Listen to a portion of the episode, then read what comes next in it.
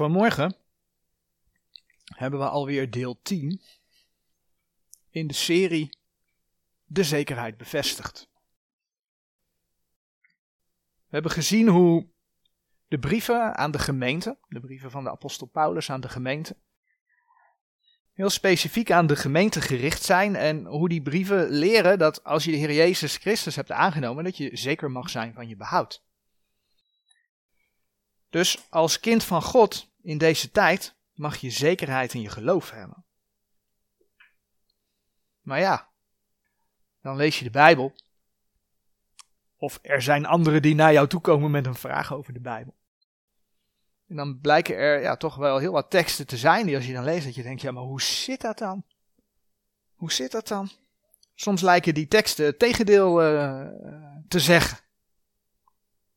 Nou, vaak heeft dat ermee te maken dat men een tekst gewoon uit de context trekt en dat regelrecht op jou als lid van de gemeente toepast.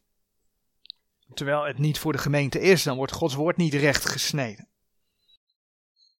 Soms worden teksten op het behoud toegepast terwijl het helemaal niets met behoud te maken heeft. Nou, de laatste keer, daar is deze eerste dia nog van, hebben we gekeken naar 1 Petrus 4, vers 17 en 18. In die teksten staat geschreven dat het oordeel bij het huis Gods begint. En ook dat de rechtvaardige nauwelijks zalig wordt.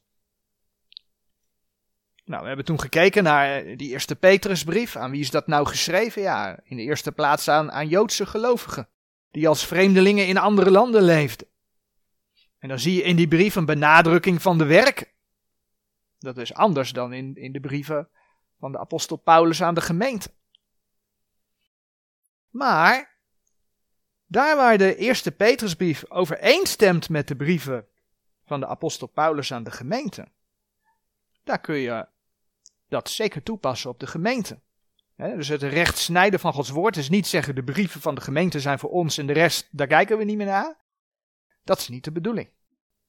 Er zijn er helaas velen die dat wel ongeveer zo doen. We hebben toen gezien dat de gemeente van de Heer Jezus bijvoorbeeld een geestelijk gebouw genoemd wordt. De gemeente komt weliswaar niet voor de grote witte troon van het laatste oordeel. Maar de gemeente komt wel voor de rechterstoel van Christus. En zo zie je dus dat die tekst wel degelijk ook op de gemeente toegepast kan worden. Ook zagen we dat het oordeel eigenlijk vandaag de dag al gaande is, want wat zegt de Heer in zijn woord? Hij wil graag dat ieder zichzelf oordeelt in het licht van Gods woord. Nou, dan heb je nog dat stukje dat de rechtvaardige nauwelijks zalig is geworden. Ja, er is een smalle weg die tot het leven leidt. Deze wereld kent heel veel wegen die ergens naartoe leiden, maar niet naar de Heer. Dat is de brede weg waar de Heer over spreekt, maar er is maar één weg tot behoud. Dus als je de Heer Jezus hebt leren kennen en je hebt die smalle weg gevonden, dan ben je eigenlijk nauwelijks zalig geworden. En als je dat zo bekijkt, dan zie je dus dat 1 Petrus 4, vers 17 en 18 leerstellig geschreven kan zijn voor bijvoorbeeld Joden in de grote verdrukking.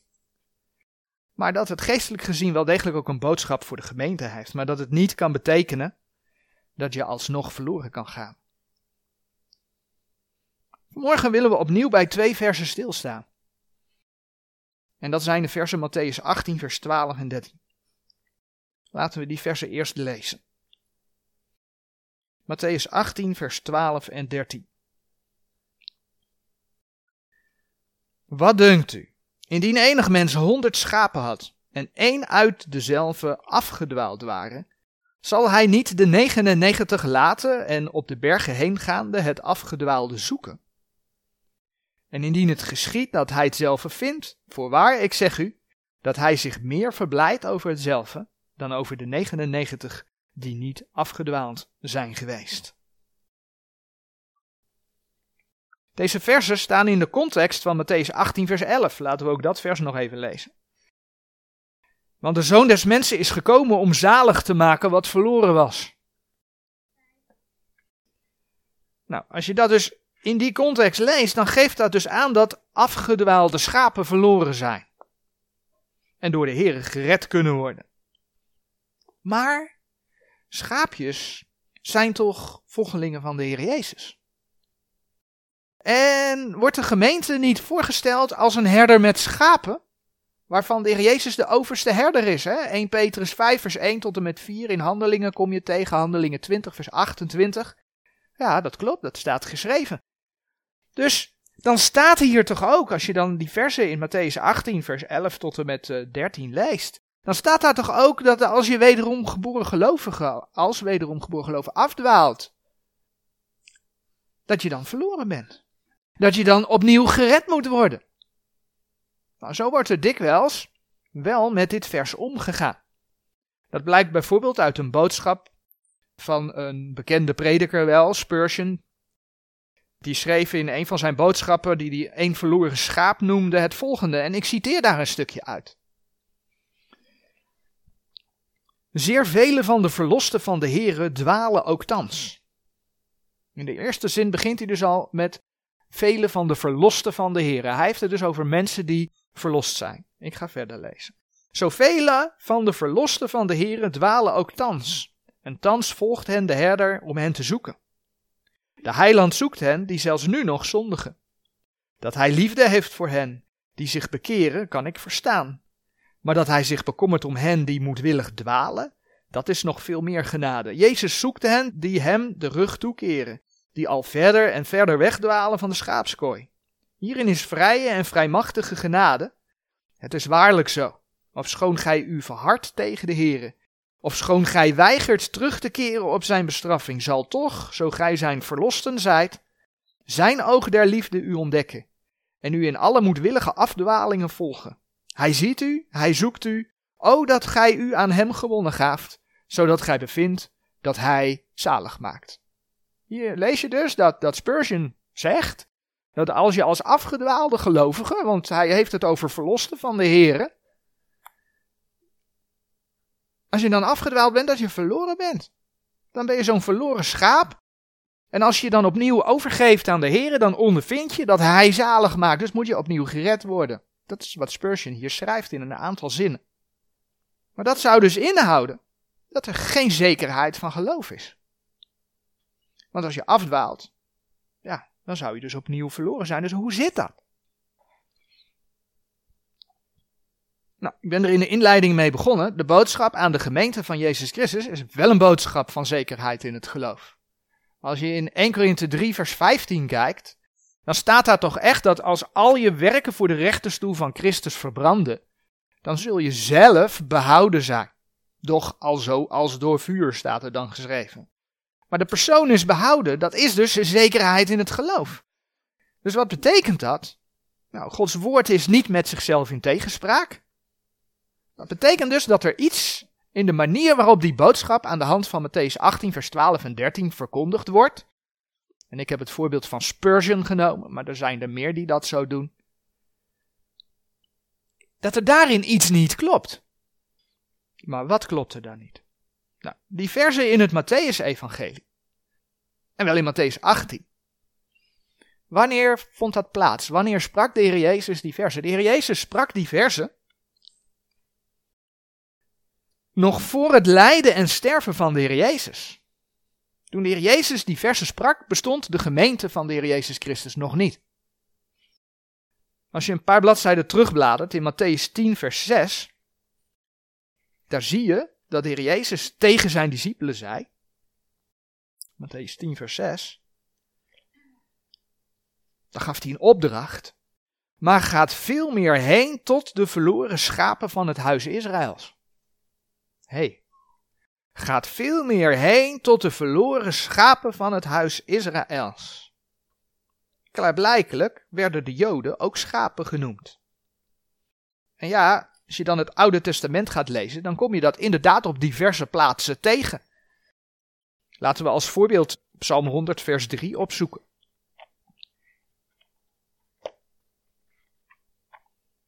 Psalm 100, vers 3.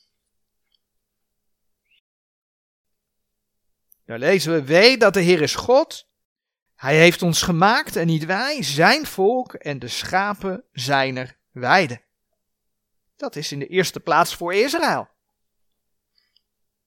En dan spreekt de Heer over zijn volk, de schapen zijner weide. Een ander voorbeeld in de profeet Jeremia, Jeremia 50 vers 6.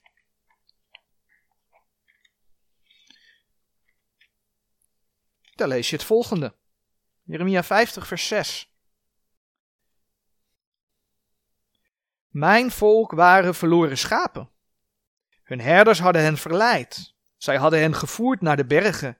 Zij gingen van berg tot heuvel. Zij vergaten hun legering. En dan uh, vers 17 van hetzelfde hoofdstuk, Jeremia 50. Israël is een verbijsterd lam, dat de leeuwen verjaagd hebben. Zie hoe Israël met de schapen en met een lam vergeleken wordt. Het mag duidelijk zijn dat de Heer over zijn volk sprak, als zijnde de schapen van zijn weide. Dus toen de Heer Jezus op aarde kwam en de gemeente nog niet eens bestond, en de Joden aansprak over een schaap dat afgedwaald was, ging dat in de eerste plaats over hen. En dat is belangrijk om te zien. Het feit dat er gesproken wordt over verloren zijn in het geval van, van afdwalen, betekent dus dat iemand iets moet doen om behouden te blijven. Nou, onder de wet waren er voor Israël de werken der wet. Maar zodra de gemeente weg is en de Heer verder gaat met Israël, ja, dan lees je op diverse plaatsen dat zij zullen moeten volharden tot het einde om behouden te worden. Een voorbeeld daarvan is Matthäus 24, vers 13. Dus dat er in relatie tot Israël een element van werken is, maar ook een element van toch nog verloren kunnen gaan, dat klopt als je de schrift recht snijdt. Zo zie je dus hoe die versen in Matthäus 18, vers 12 en 13, leerstellig en daardoor ook zeer letterlijk op Israël van toepassing zijn. Hoe leg je bijvoorbeeld uit dat de Heere zegt dat er 99 achterblijven en dat hij één verloren schaap gaat zoeken? Dat kun je niet op de gemeente toepassen. Maar als je aan Israël denkt, nou na de opstanding, lees je in bijvoorbeeld Matthäus 27 vers 53 en Efeze 4 vers 8 hoort daar ook bij lees je dat er vele oud-testamentische heiligen opgestaan zijn. En die zijn met de Heer naar de hemel gegaan. Die zijn al thuis. Die zijn al thuis. En het is dus de Heer die in de tijd van Jacobs benauwdheid de hemel zal verlaten om het overblijfsel, daar heb je die ene, om het overblijfsel van zijn volk te redden. Nou, dat lees je in Romeinen 11, vers 5, vers 25 en 26. Dus die versen, Matthäus 18, vers 12 en 13 gaan niet over de gemeente. En kun je dus als kind van God, als je de schrift recht snijdt, niet aan het twijfelen brengen. Oké, maar geestelijk dan? Kunnen we er wel een geestelijke toepassing in lezen? Ja, natuurlijk. Daar waar het overeenkomt met de brieven aan de gemeente, kun je wel degelijk een toepassing maken op de gemeente. Laten we Jezaja 53 vers 6 opzoeken.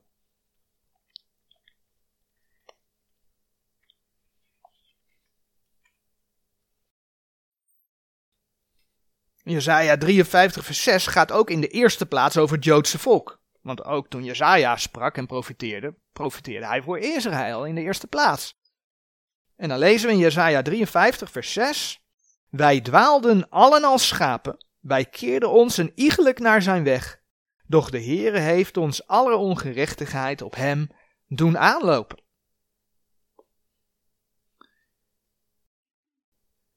Als je dan in de brief aan de gemeente gaat lezen, dan zie je hoe juist de inhoud van dit soort verzen door de apostel Paulus, door de Heere, ook op de gemeente toegepast wordt. Als je Jezaja 53 vers 7 er nog bij zou lezen en je gaat dan naar Romeinen 3 vers 12 kijken, je gaat naar Romeinen 8 vers 36 kijken, dan zie je dat Paulus het op de gemeente betrok.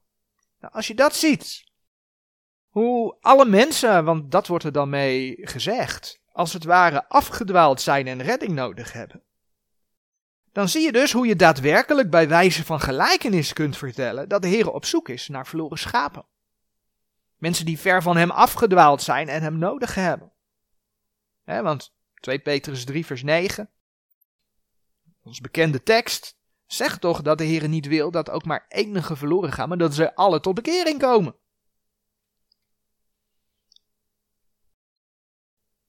Zo kun je dus aan de hand van de gelijkenis van het verloren schaap wel degelijk het evangelie prediken. Maar je moet niet verder gaan. Want als je verder gaat, ja, dan klopt het niet.